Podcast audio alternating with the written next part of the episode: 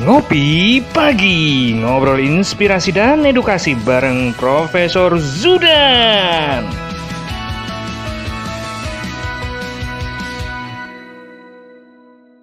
Salam bahagia kerabat desa Indonesia. Selamat pagi, kembali lagi kita di Ngopi Pagi bareng Prof. Zudan.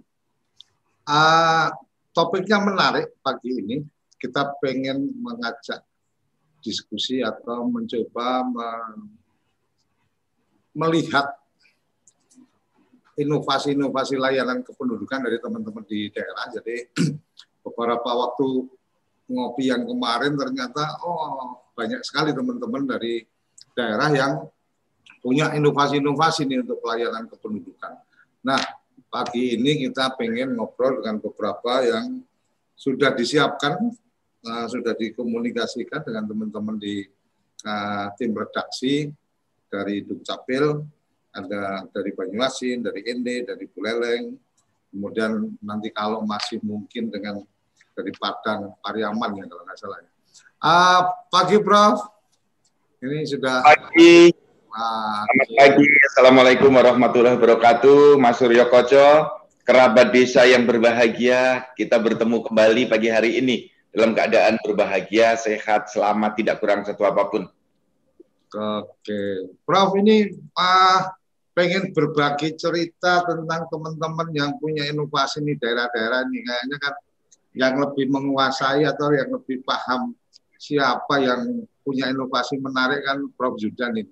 Silakan Prof, siapa yang akan diminta untuk bicara di kesempatan ini teman-teman dari daerah. Silakan Prof. Terima kasih Mas Suryo Koco. Pagi hari ini rekan-rekan semuanya kita akan berdiskusi akan menampilkan rekan-rekan yang berada di garda terdepan pelayanan administrasi kependudukan. Nah, kita akan menampilkan rekan-rekan dari Buleleng, Banyu Asin, kemudian eh, Indi, kemudian tadi disebut juga ada Padang Pariaman. Nah, kita akan berbagi cerita tentang inovasi-inovasi yang sudah dilakukan oleh teman-teman di daerah dalam rangka memberikan kemudahan pelayanan. Nah, semangat yang didorong, semangat yang dibangun adalah bagaimana masalah-masalah yang selama ini ada bisa diselesaikan dengan langkah-langkah yang inovatif. Ya. Inovasi adalah ruh dalam kita memberikan pelayanan.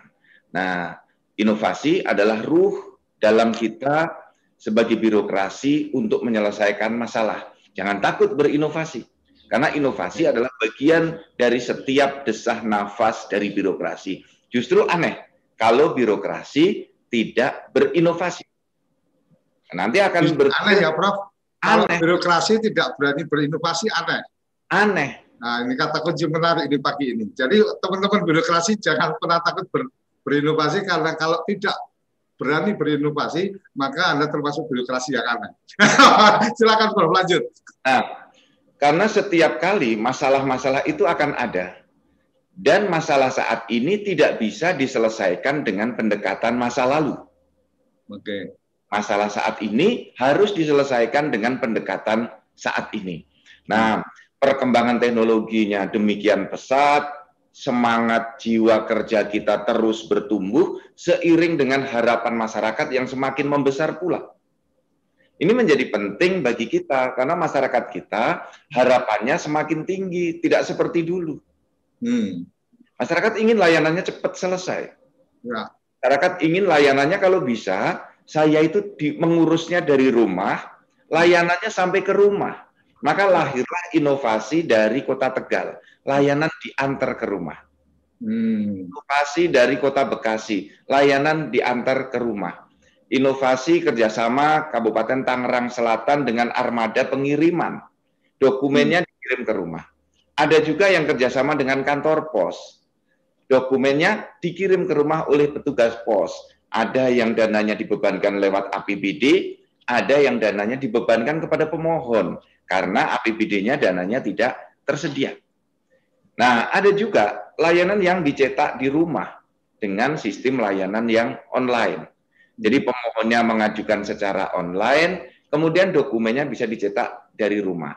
Jadi Mas Suryo Koco akan ada nanti cerita-cerita dari kawan-kawan yang ada di daerah, apa yang sudah dilakukan di daerah. Nah, nanti saya memberikan satu konklusi-konklusi di tengah-tengah masing-masing teman-teman nanti menyampaikan pandangan, inovasi-inovasinya. Dan sekali lagi terima kasih teman-teman semuanya yang berani berinovasi. Birokrasi harus berinovasi. Itu kuncinya Mas Surya Koco. Oke, luar biasa. Ini uh, berdasarkan uh, tadi sudah melakukan cek sound dan cek gambar. Jadi udah udah tadi udah dilakukan checking checking. Uh, dari Banyuasin sudah ada, dari ini sudah ada, dari Buleleng sudah ada, dari uh, Padang Pariaman juga sudah ada. Mungkin kita mulai dari banyu asin dulu karena di sini kopinya pahit kena banyu asin biar lebih seger. Silakan banyu asin, banyu asin mana? Silakan.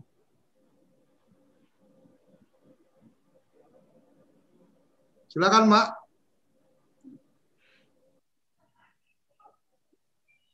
Audionya tapi di sini enggak. Ini, Andika. Oh ya, sudah sudah, Pak. Pak Sokani sudah. Assalamualaikum warahmatullahi wabarakatuh. Waalaikumsalam. Yang Pagi Pak Sokani. Pagi. Oke. Yang Pak ini salah satu yang apa? Salah satu yang kemudian menjadi daerah inovatif, yang inovasi untuk bagaimana tentang layanan kependudukan. Boleh berbagi cerita, mungkin idenya berangkat dari mana, karena apa, kemudian ada inovasi apa supaya bisa jadi inspirasi kerabat desa yang menyaksikan siaran ini. Silakan, Pak. Izin Pak Dirjen dan Pak Suryo Koco pertama, inovasi ini berangkat dari nawaitu Pak Suryo Koco. Hmm, okay. Segala sesuatu itu harus dengan nawaitu yang positif menurut saya. Pertama kita melihat wilayah Pak Sukoco. Wilayah kita 11.832,99 km persegi. Seluas Provinsi Jawa Barat. Artinya sangat luas ya? Ya, penduduknya 816.934 tersebar di 21 kecamatan, 305 desa. Hmm. Dari 21 kecamatan ini, ada 16 kecamatan yang jaraknya 80 sampai 180 km.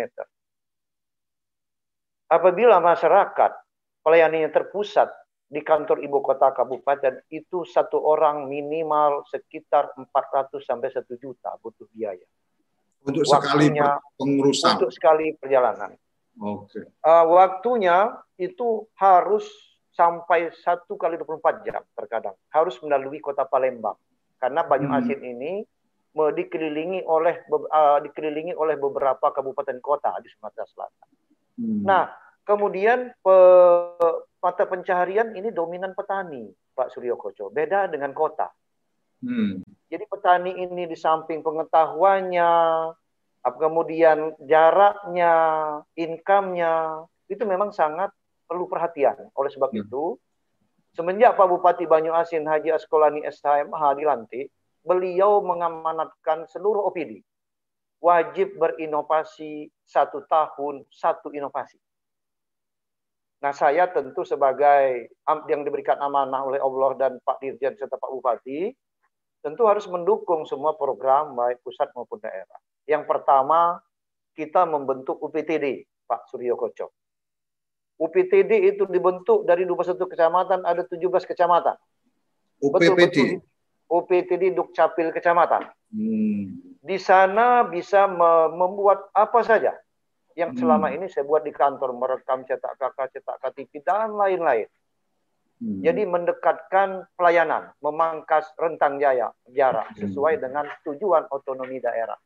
Ya. Uh, pemerintah hadir di tengah-tengah rakyat yang disampaikan oleh Pak Presiden. Hmm. Nah, kemudian bentuklah UPTD itu dengan membeli perangkat terbaru sekitar 4 miliar Pak Bupati waktu itu didukung. Jadi semua peralatan diperbaharui hmm. karena alat selama ini sudah cukup lawas bahasa Jawanya, hmm. cukup tua. Kemudian lagi uh, kita bentuk UPTD berjalan Pak hmm. Suryo Koco September 2019.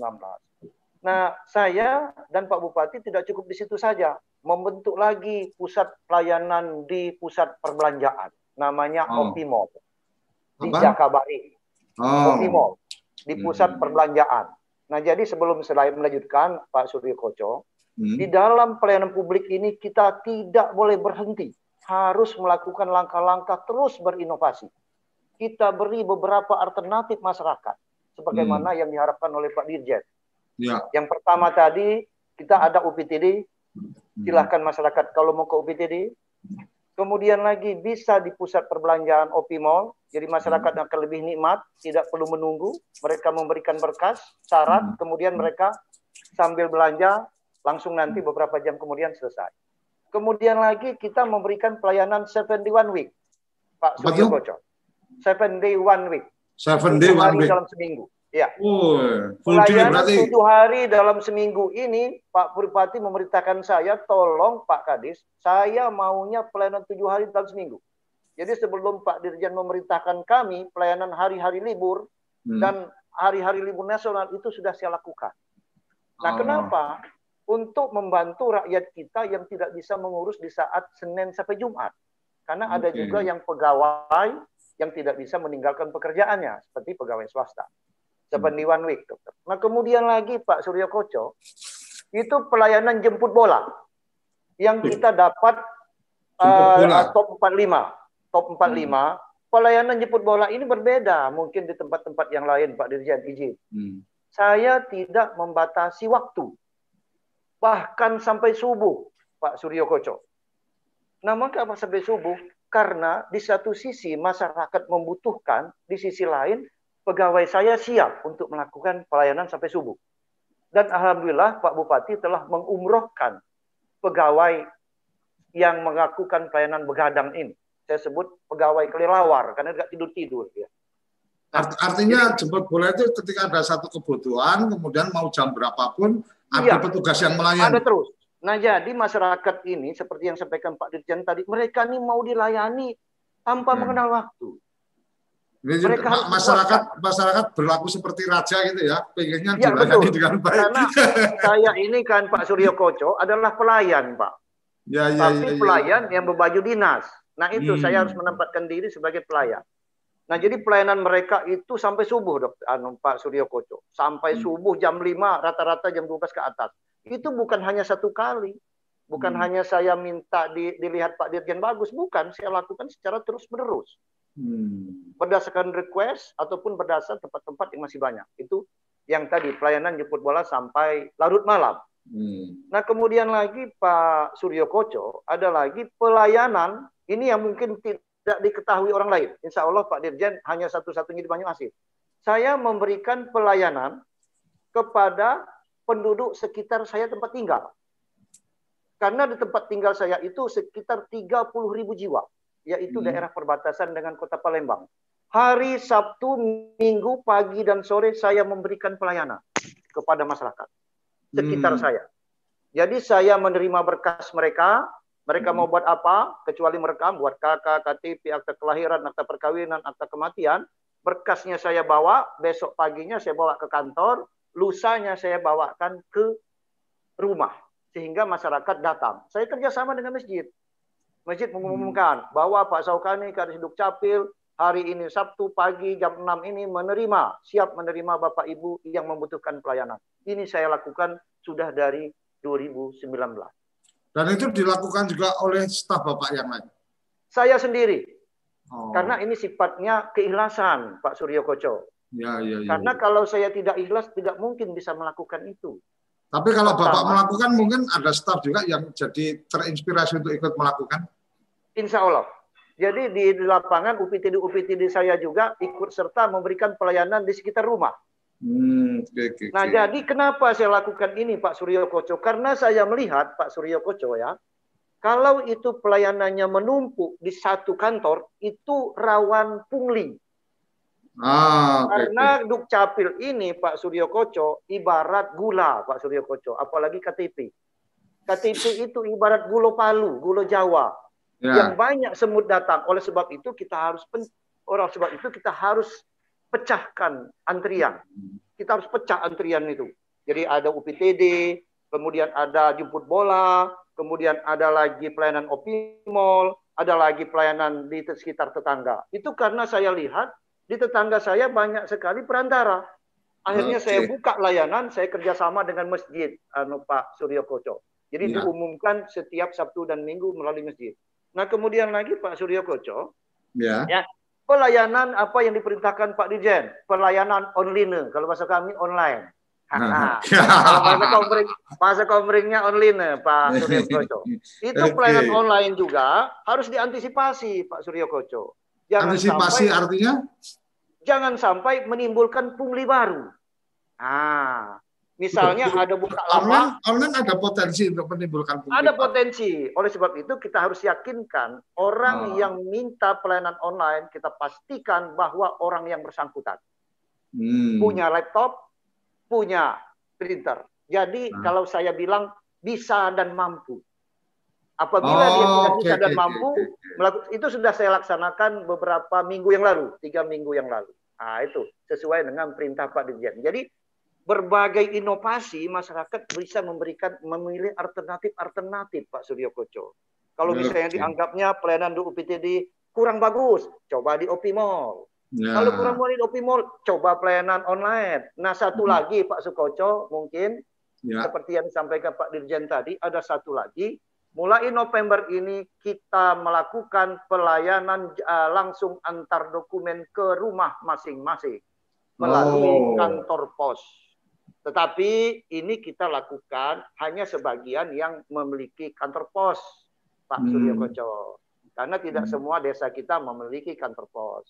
Nah, hmm. jadi itu Pak Suryo Koco. Jadi saya sangat didukung oleh Pak Bupati, oleh Pak Dirjen, Melangko siap tahun ini sangat banyak sekali kemudian lagi apa namanya dari DPR juga kita digunakan ada DPR juga membantu dana-dana dari aspirasi mereka Pak Surya Oh, okay. Jadi dana aspirasi dikucurkan ke Dukcapil Banyuasin itu sekitar tahun ini sekitar hampir satu miliar untuk menambah alat, kemudian untuk inovasi. Nah, kemudian satu lagi Pak Sukoco, ya, ya. kita dapat penghargaan Pak Sukoco dari Dukcapil hebat, Pak Menteri Dalam Negeri, kemudian zona integritas sebagai role model, Ya. Kemudian lagi top 99 dari Menpan RB, kemudian top 45 dari Menpan RB. Alhamdulillah uh, se-Indonesia kita Banyu Asin uh, mendapat terbaik se-Indonesia dan mendapatkan kucuran atau reward dari Menpan RB sebesar 10 miliar. Dan hmm. alhamdulillah Pak Bupati menugaskan saya untuk di, di, digunakan di anggaran tahun 2021 digunakan untuk uh, peningkatan inovasi ke depan. Jadi tahun ini okay. kita mendapatkan anggaran tambahan uh, apa namanya uh, reward DED dana insentif daerah dan Pak Bupati sudah menyerahkan semua ke Dukcapil. Jadi saya juga berterima kasih Pak Suryo Koco. Terus terang saja saya bersemangat ini karena pimpinan saya sangat bersemangat. Ya. Pak Dirjen luar biasa Pak Suryo Koco. Semenjak beliau mimpin banyak perubahan-perubahan yang luar biasa. Kita doakan hmm. semoga Pak Dirjen dan keluarga selalu sehat selalu. Amin ya robbal alamin. Terima kasih. Amin. Terima kasih. Ini luar biasa. Jadi kalau saya menangkapnya adalah uh, terobosan inovasi atau apa pun itu memang leadernya itu menjadi penting. Karakter leadernya jadi penting. Ya. Ketika ya. Pak Dirjen luar biasa, tapi kalau Pak Bupatinya juga ogah-ogahan kan juga bisa jadi Luar juga jadi juga, kesulitan juga kan gitu. Nah ini ya. ini Pak Dirjen oke okay, Pak Bupati oke okay, jadinya kencang okay, luar biasa ini Presiden berikan apa uh, tanggapan dari sekian banyak satu dua tiga empat lima enam uh, inovasi-inovasi yang sudah dilakukan. Silakan, Prof. Halo. Kita berinovasi harus diawali dengan niat yang tulus. Siap. Ya. Siap. Kemudian dengan semangat. Jadi ada ya kemauan, kemudian ada kemampuan. Ya. Nah, ini akan membentuk sebuah sinergi sikap. Sinergi sikap. Artinya kita mantap, maju, bergerak, halangan pasti akan ada. Ya. Hambatan pasti akan kita temukan. Tetapi tugas kita adalah mencari solusi ya, dengan berbagai kreasi. Ya. Maka tadi yang namanya inovasi adalah hal-hal yang belum pernah kita lakukan sebelumnya. Pak Syaukani tadi ya. belum jemput bola, kemudian jemput bola sambil dicetak di sana, sehingga masyarakat ya. itu langsung bisa mendapatkan dokumennya di tempat. Ini inovasi. Jadi inovasi tidak harus dengan teknologi yang tinggi, Mas Surya Bajo. Kerabat desa. Inovasi tidak harus selalu dengan teknologi yang tinggi. Tetapi bisa dengan semangat dan dengan tekad. Contoh, Pak Daukani tadi jemput bola membawa alat yang sudah ada. Jadi orang yang mau membuat KTP elektronik difoto di situ, direkam sidik jarinya di situ, langsung dicetak KTP-nya di situ.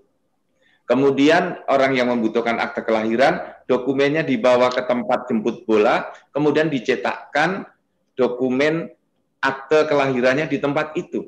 Nah, ini sangat dimungkinkan jemput bola bersama di beberapa titik karena Dukcapil seluruh Indonesia sudah menerapkan tanda tangan elektronik. Kan ada yang bertanya pada saya, Pak Suryo Koco, Mas Koco, pertanyaan begini, Pak Idan, bagaimana mungkin beberapa orang jemput bola ke tempat yang sama, yang berbeda-beda dalam waktu yang bersama-sama kok kepala dinasnya bisa tanda tangan di banyak hmm. tempat kan orang kemudian kaget jangan-jangan itu dokumennya palsu kok bisa di kecamatan A jemput bola kecamatan B jemput bola kecamatan C jemput bola kok bisa kepala dinasnya ada di tiga tempat bersama-sama ini di masa lalu tidak bisa dilakukan, tetapi sekarang karena kepala dinas bisa tanda tangan di satu tempat dengan dokumennya tersebar di mana-mana. Itulah inovasi dengan tanda tangan elektronik. Sehingga tidak memerlukan cap, tidak perlu tanda tangan basah, tetapi tanda tangan dengan menggunakan password. Nah, inilah yang sudah ditempuh salah satunya oleh Pak Saukani di Banyu Asin. Seperti itu Mas Surya Koco yang di Banyu Asih. Sederhana, penuh tekad, penuh semangat. Luar biasa kita perlu memberikan apresiasi ke teman di Banyu Asin. Jadi semoga dengan inovasi yang sudah berjalan kemudian mendapatkan apresiasi ke depan lebih banyak terobosan lagi. Jadi tidak ya. cukup puas sampai di oh saya sudah ya. dapat apresiasi atau penghargaan. Mungkin gitu ya, uh, Mas ya. Akani ya. ya. Uh, kita uh, kita masuk ke teman yang ada di ND. Yang berikutnya di ND, uh, Mbak Dian bisa dibantu yang ini. Lambertus ya. Oke, Pak Lambertus. Silakan Bapak berbagi uh, cerita pengalaman berinovasi dan bagaimana tantangan di lapangan. Saya yakin inovasi tidak mungkin tidak ada tantangannya. Tapi kalau nggak ada tantangan juga nggak asik karena hidup datar-datar aja kan gitu. Silakan Pak. Baik, uh, selamat pagi. Uh, salam dari kami di uh, Kota Rahim Pancasila. Ush, Kota Rahim Pancasila. Oh ya betul betul betul betul. ya ya ya. ya. Lanjut lanjut lanjut. Sekali lagi mohon izin Pak Dirjen, terima kasih karena kami dari Kabupaten Ende ini diberi kesempatan untuk menyampaikan uh, inovasi yang sudah kami lakukan. Uh, yang pertama perlu saya sampaikan bahwa saya baru menjabat seumur jagung, jadi baru dua bulan. Jadi dilantik pada tanggal 7 Agustus. Nah, uh, latar belakang permasalahan Dukcapil di Kabupaten Ende ini menjadi momok, ya, menjadi bulan-bulanan di masyarakat selama ini.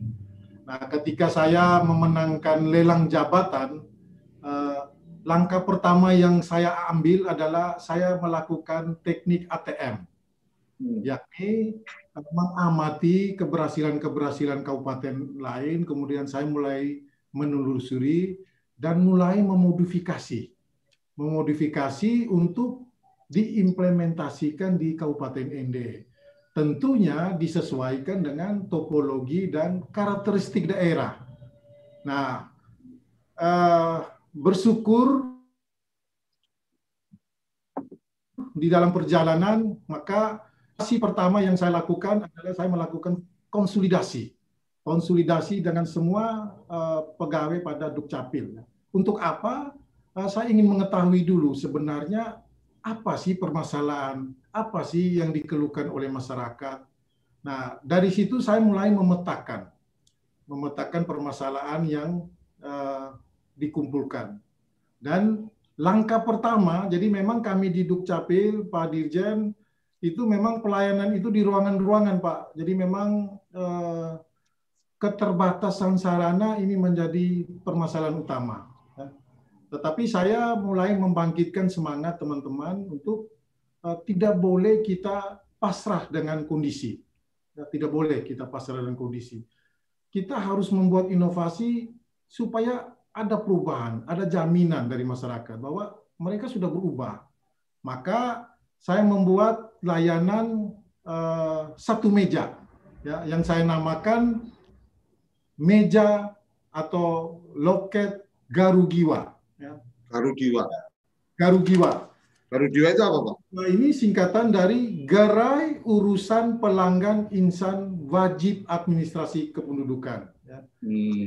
Garugiwa ini perlu saya sampaikan, jadi kami di Kabupaten ini itu destinasi unggulan wisata Danau Kelimutu. Ya. Hmm.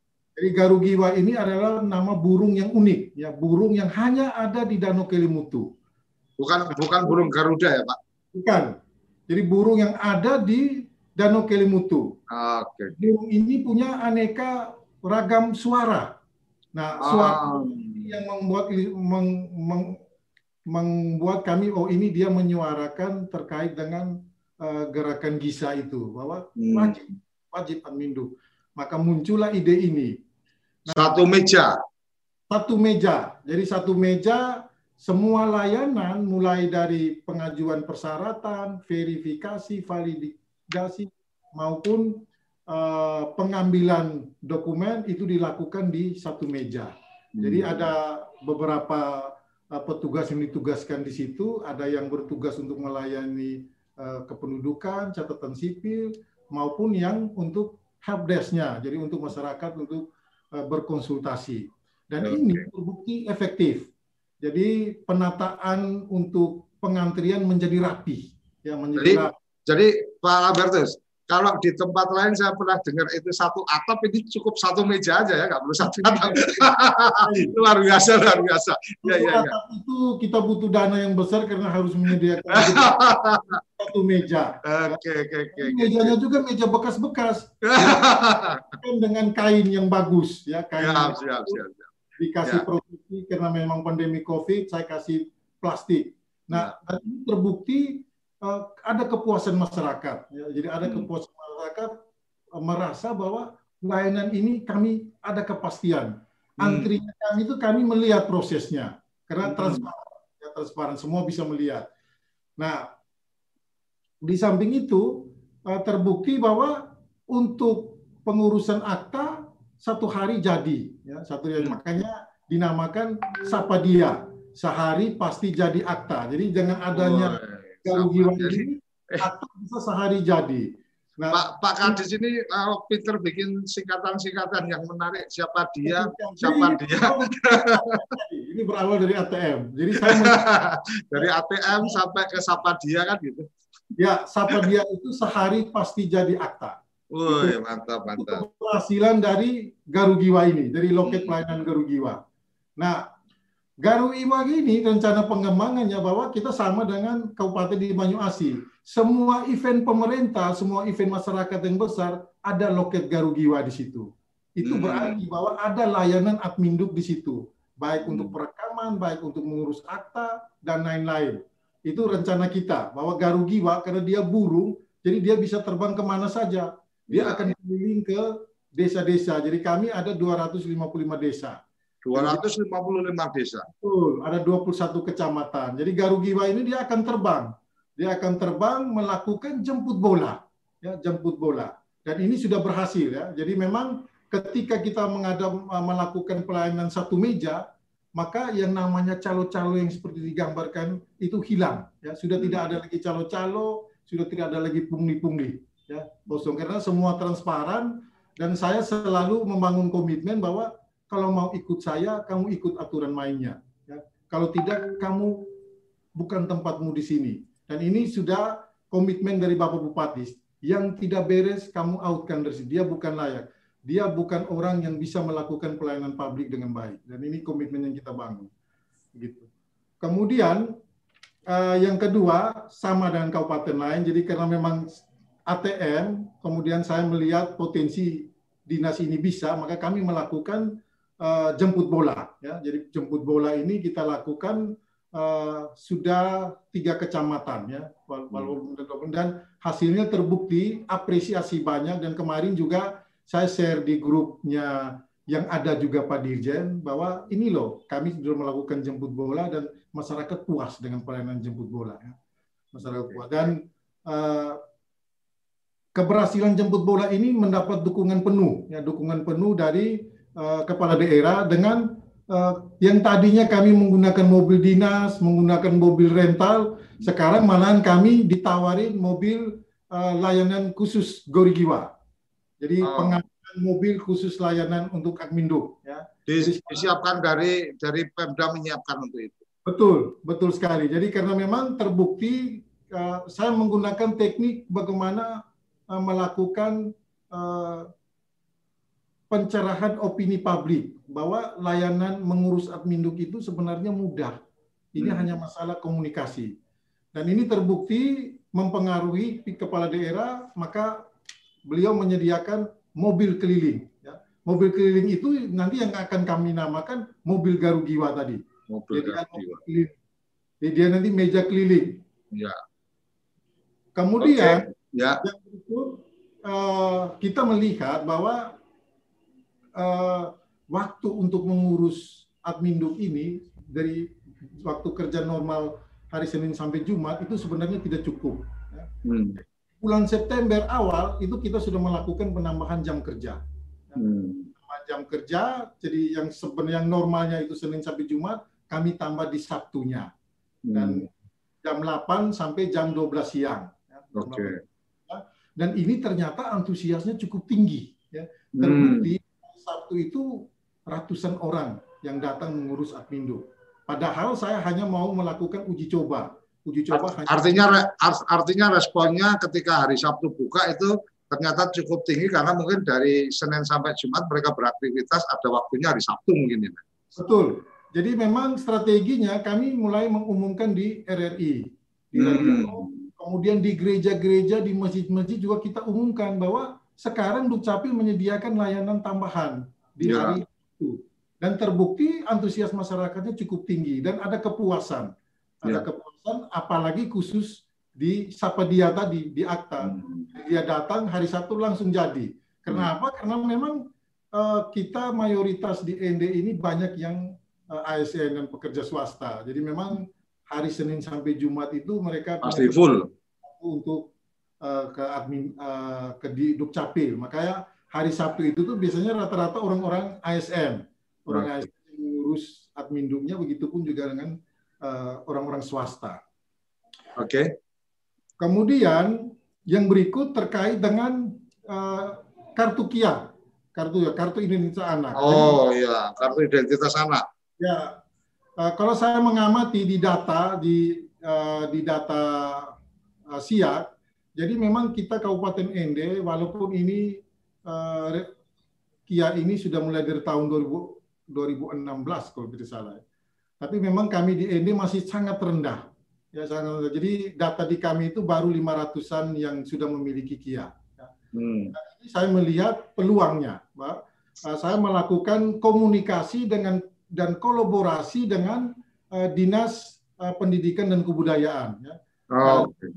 Ketika mereka melakukan pertemuan-pertemuan yang melibatkan sekolah-sekolah, itu kita ambil bagian. Ya kita ambil hmm. bagian khusus mensosialisasikan terkait dengan uh, KIA ya terkait KIA dan saya menjamin mereka bahwa kalau pandemi Covid ini sudah mulai mereda maka kami akan melakukan jemput bola jemput bola ke sekolah-sekolah karena persyaratannya juga sangat mudah ya jadi jadi kita uji case ke guru-guru apakah persyaratan KIA susah ternyata hmm tidak. Yang susah itu sebenarnya fotonya. Ya, saya bilang dengan teman-teman, nanti kita jemput bola bawa langsung dengan printer.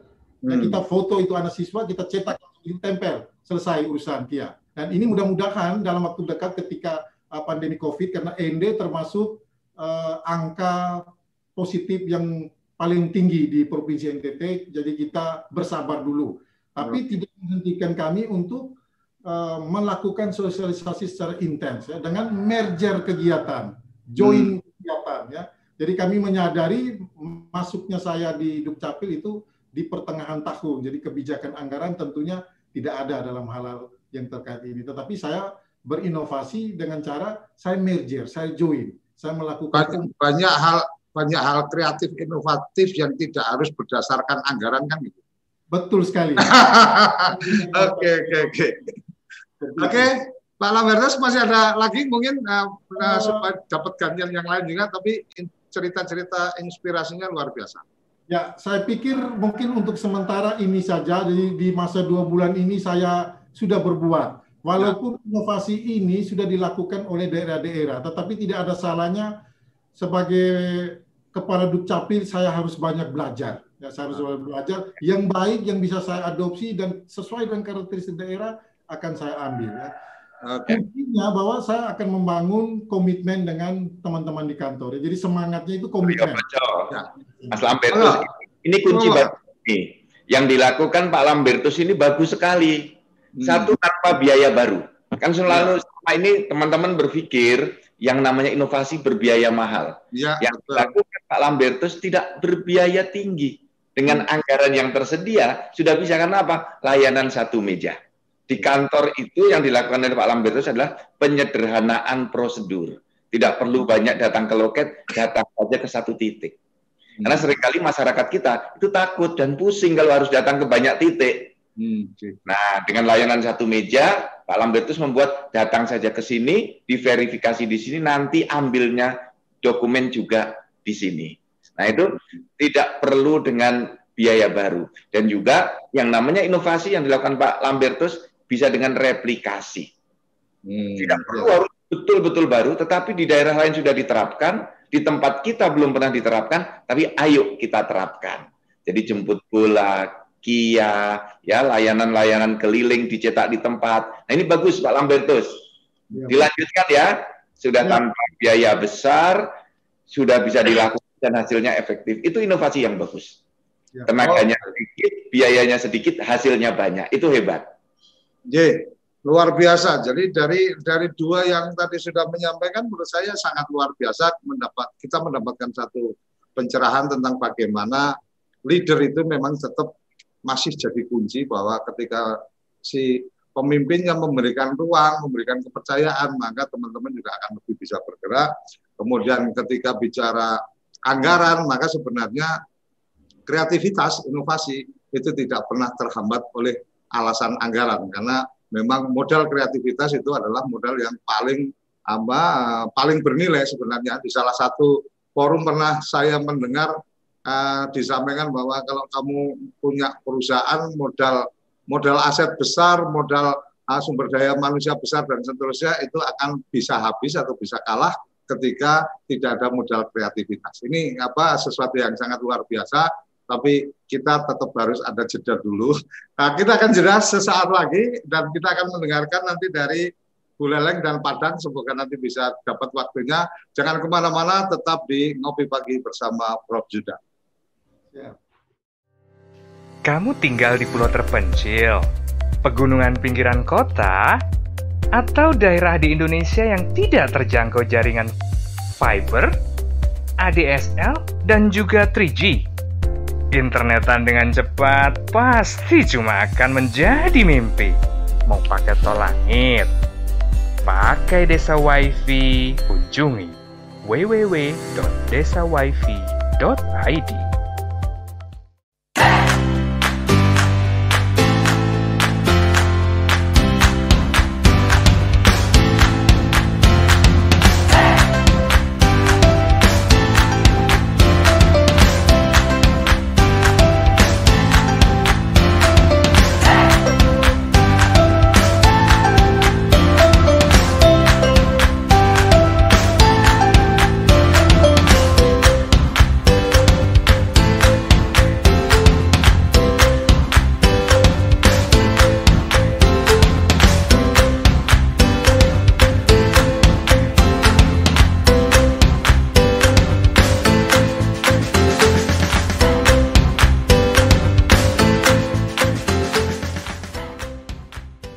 IG.id, toko Instagramnya orang Indonesia.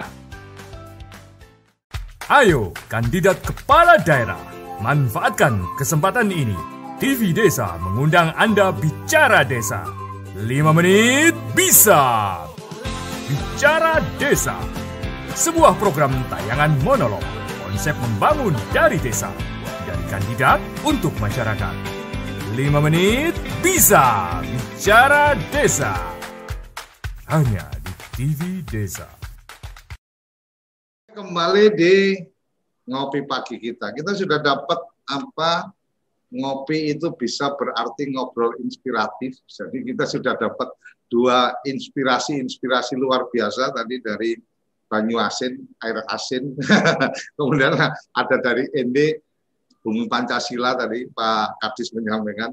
Kita akan ke Buleleng ini uh, apa di Bali yang kota internasional.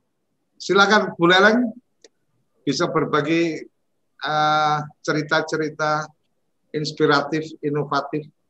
Silakan. Baik, terima kasih atas kesempatan yang diberikan kepada kami.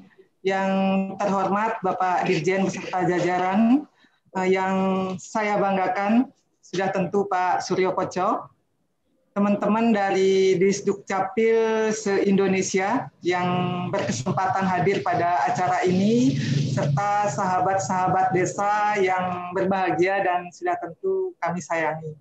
Om Swastiastu. Assalamualaikum warahmatullahi wabarakatuh. Salam sejahtera, namo budayo, salam. Jadi seizin Bapak Dirjen, eh, kami akan menyampaikan inovasi pelayanan kependudukan yang sudah kami buat dan kami laksanakan di Kabupaten Buleleng. Ah, namun sebelumnya ah, kami informasikan bahwa Dukcapil itu regulasinya sama. Kemudian produk yang dihasilkan juga sama. Semangat kerja sama, yaitu Dukcapil bisa.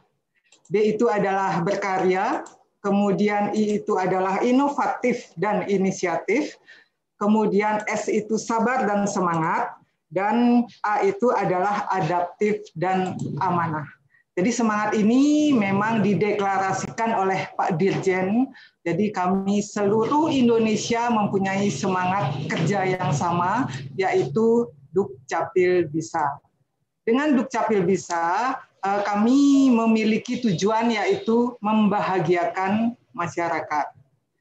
Namun dengan inovasi-inovasi ini eh, kita eh, bagaimana yang berbeda itu adalah cara mempromosikannya, cara memasarkannya, seperti yang sering Pak Koco sampaikan di acara TV Desa ini. Kabupaten Buleleng memiliki jumlah penduduk yang terbanyak di Pulau Bali, yaitu sebanyak 825.860 jiwa. Namun dengan segala keterbatasan yang kami miliki, yaitu keterbatasan sarana dan prasarana, kemudian juga keterbatasan sumber daya manusia, kami tidak berkecil hati. Jadi dengan semangat yang tulus dan ikhlas, memberikan pelayanan yang maksimal, optimal, serta membahagiakan masyarakat, kami membentuk teamwork yang hebat. Jadi semangat kami juga sama di sini di Distrik Capil Kabupaten Buleleng, bagaimana memberikan pelayanan yang membahagiakan masyarakat. Nah, di tahun uh, 2006 uh, kita uh, sudah tahu bersama bahwa Eh, Undang-Undang Nomor 23 Tahun 2006 itu sudah dibentuk. Kemudian eh, terjadi lagi perubahan atas Undang-Undang 23 Tahun 2006 yaitu Undang-Undang 24 Tahun 2013. Nah, selisih waktu 2006-2013 itu kami amati masih banyak masyarakat khususnya Buleleng yang belum sadar administrasi kependudukan. Jadi ide itu berangkat dari sana eh, sehingga kami mempunyai komitmen di sini bagaimana agar seluruh masyarakat Kabupaten Buleleng sadar administrasi kependudukan dan mempunyai administrasi kependudukan. Nah, semangat itulah uh, di awal uh, bagaimana kami mendengungkan, bagaimana ingin kami mempromosikan, ingin kami menyampaikan pesan-pesan kepada masyarakat bahwa seluruh peristiwa kependudukan itu harus dicatatkan di Disduk Capil. Nah, atas semangat itulah kami di Buleleng membuat brand-brand inovasi. Jadi brand inovasi itu kami buat di tahun 2017. Maksud dan tujuannya seperti yang kami sampaikan untuk uh, bisa masyarakat itu terbiasa uh, dengan administrasi kependudukan. Jadi brand inovasi itu kami buat dengan nama-nama yang sangat sederhana, kemudian dengan desain yang menarik, sehingga uh, masyarakat itu bisa menjadi tertarik. Nah, brand-brand inovasi itu seperti Alita, yaitu anak lahir berakta. Jadi setiap anak yang lahir itu masyarakat tuh, oh anak saya ini harus punya akta loh. Jadi seperti itu. Sehingga kami buatkan uh, brand Alita.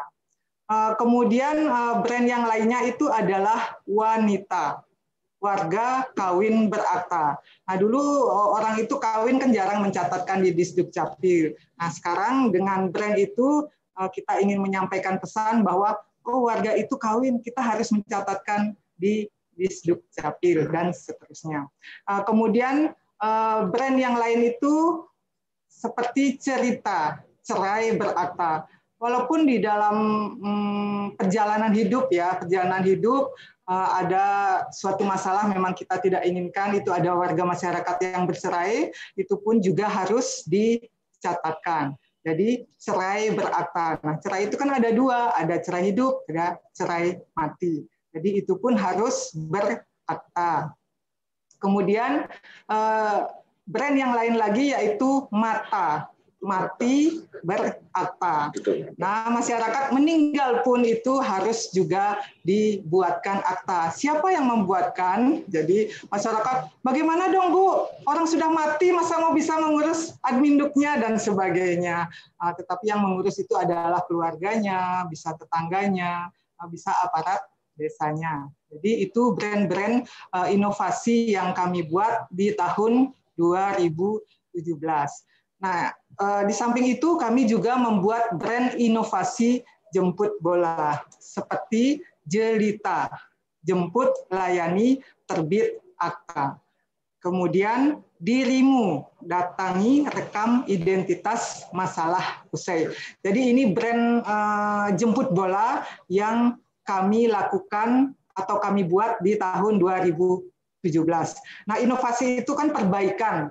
Perbaikan Eh, terhadap program kegiatan yang sudah kita lakukan. Ini baru jemput bola secara sederhana. Memang eh, waktu itu kenyataannya memang seperti itu. Apa yang kita lakukan eh, semangatnya untuk mendekatkan pelayanan kepada masyarakat. Nanti saya akan bercerita bagaimana penyempurnaan jemput bola ini. Nah, jemput bola ini kan kita lakukan hmm, dokumennya itu belum jadi di tempat, belum selesai di tempat nanti kita akan sempurnakan, sempurnakan, dan sempurnakan sampai dengan di tahun 2020 ini.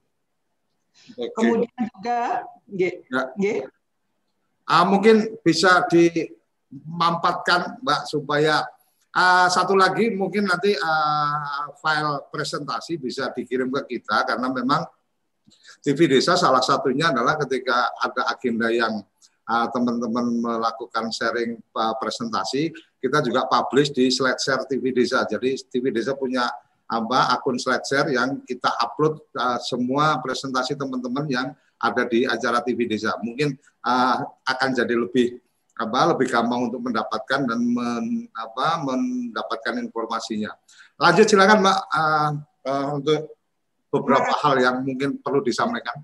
Untuk penyelesaian penyelesaian dokumen kami berikan nama one day service. Jadi kami tidak berpuas diri dengan inovasi sampai dengan di sana.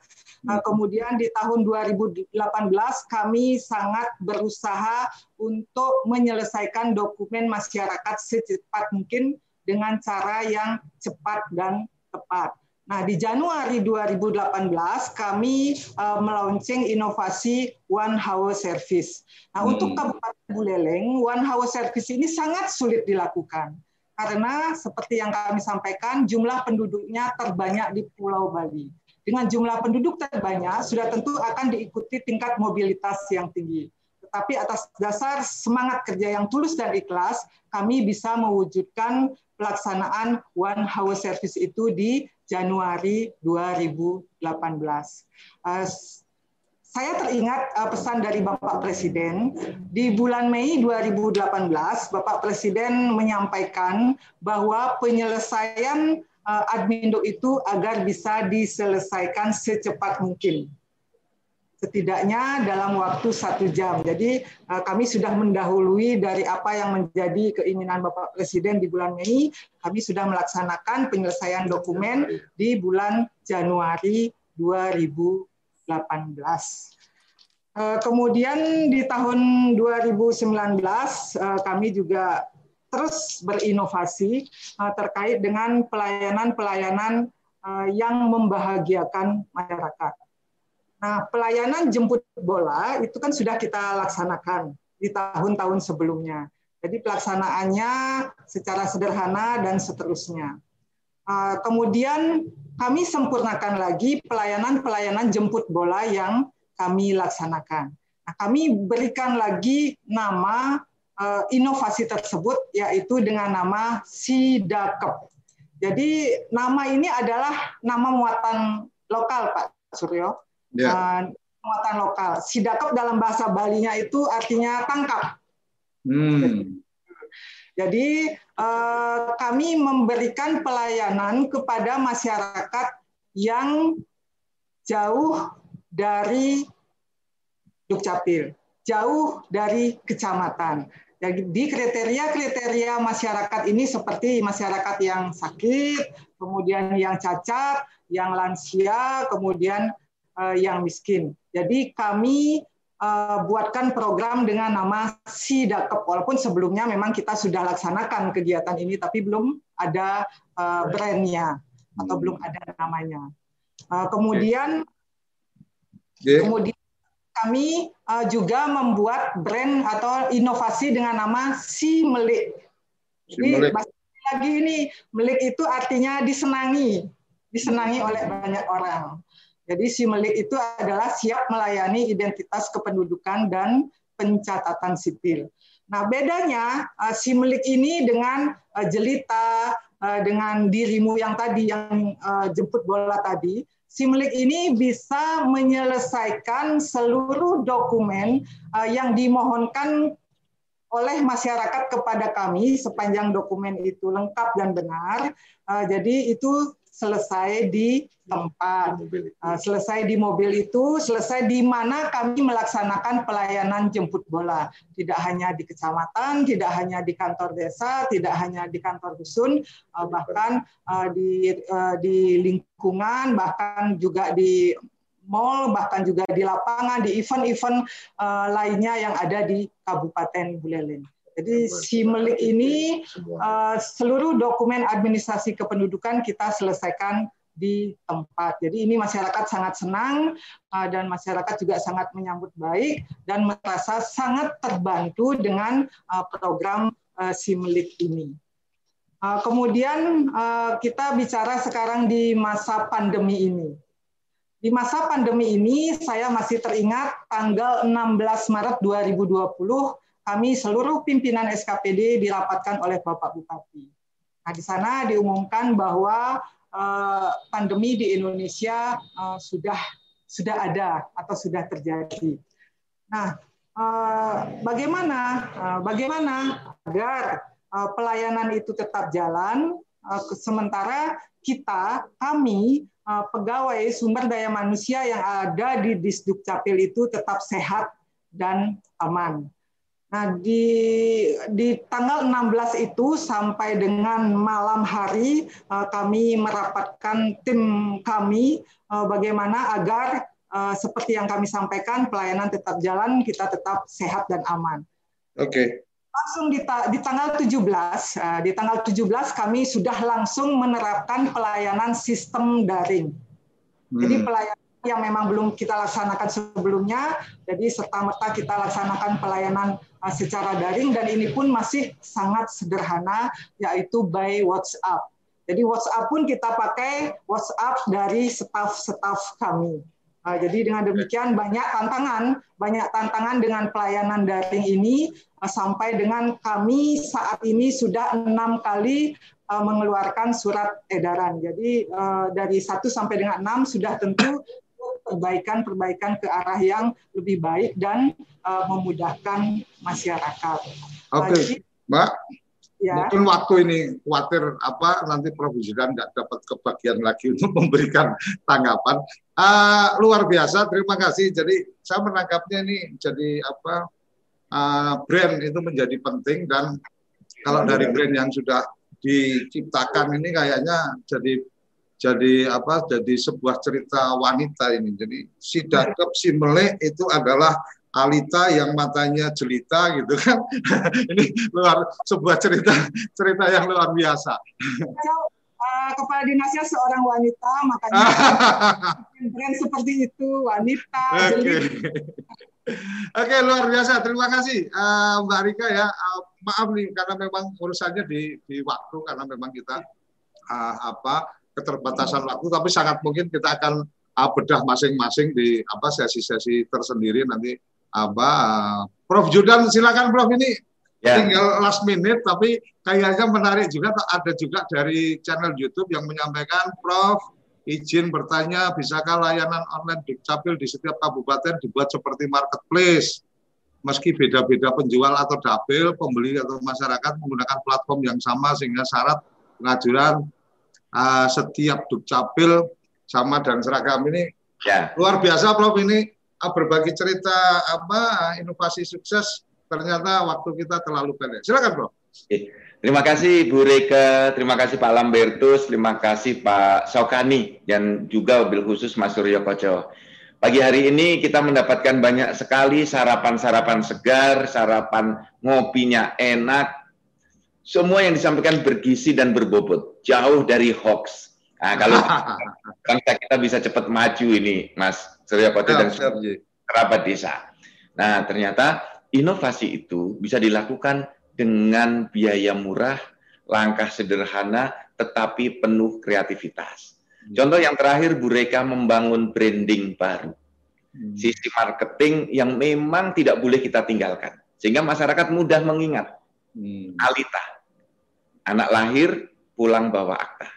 Ya kan? Wanita, warga kawin harus mendapatkan akta. Oleh karena itu harus mengurus. Sampai kemudian dibuat sidakep, siap melayani sampai ke tempat penduduk. Nah ini branding-branding yang bagus yang saya kira teman-teman di Dukcapil seluruh Indonesia bisa melakukan seperti itu dengan nama replikasi. Yang sudah dilakukan di tempat lain itu boleh dipindahkan di tempat yang lain. Dan yang tadi disampaikan untuk membuat marketplace layanan online. Insya Allah di tahun ini sudah bisa kita uji coba dan akan kita masifkan di 2021. Jadi Mas Suryo Koco nanti Dukcapil memiliki layanan online nasional. Sekarang kan layanan daring per kabupaten. Nah besok layanan online nasional tinggal klik nanti untuk kota Lok Sumawe misalnya. Kabupaten Indi masuk di sana. Kemudian Kabupaten Buleleng, klik Buleleng, layanan apa yang akan diurus itu sudah kita siapkan. Mudah-mudahan tahun akhir tahun ini bisa kita uji coba dan tahun depan sudah bisa dilaksanakan. Nah tampaknya Mas Suryo Koco ini membedah inovasi kawan-kawan di daerah itu butuh waktu panjang. Mungkin butuh, kita butuh beberapa seri kali ya. Iya. butuh beberapa seri. Lagi dua sesi lagi nanti Mbak Diana dicari inovasi yang berbeda dengan yang sudah ditayangkan di tiga kawan kita pagi hari ini. Mas Suryo Koco, terima kasih banyak karena memang waktu okay. kita sudah habis. Ya, nanti kita okay. di kesempatan yang lain dengan topik-topik yang lebih menarik. Jangan lupa tetap pakai masker dan urus layanan Dukcapil, Ibu Bapak, seluruh kerabat desa, sahabat desa di Dinas Dukcapil atau di kecamatan atau di kelurahan dan desa. Kami tunggu, mari kita berbudaya layanan kependudukan dengan mengurus semua dokumen kependudukan kita. Bangun budaya administrasi kependudukan. Oke, terima kasih Prof. Ini luar biasa. Udah pas di penghujung acara. Beberapa uh, beberapa sarapan istilahnya Prof. Jidan tadi beberapa sarapan. Ini pagi ini banyak gizinya.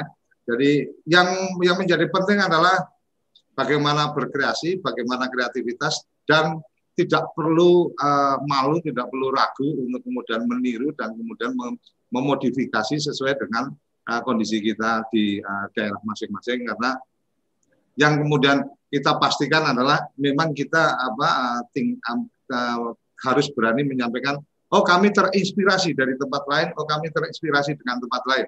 Jadi mungkin kalau dulu itu sempat bahasanya adalah mencuri ilmu, sekarang tidak ada bahasa mencuri ilmu. Yang ada adalah bagaimana kemudian kita berani menyampaikan bahwa kita terinspirasi dari teman-teman yang lain. Saya pikir itu uh, yang kita bisa uh, sampaikan di pagi ini di ngopi bareng Prof. Judan dan sampai di sini ketemuan kita kita akan bertemu tiap hari Senin sampai Jumat pukul 7 sampai pukul 8 di channel TV Desa satelit kita, kemudian ada juga aplikasi uh, Android bisa disaksikan.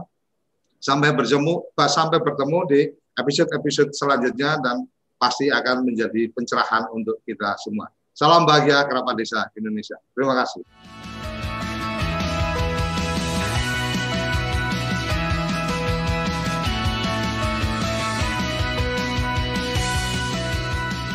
Ngopi Pagi Ngobrol inspirasi dan edukasi bareng Profesor Zudan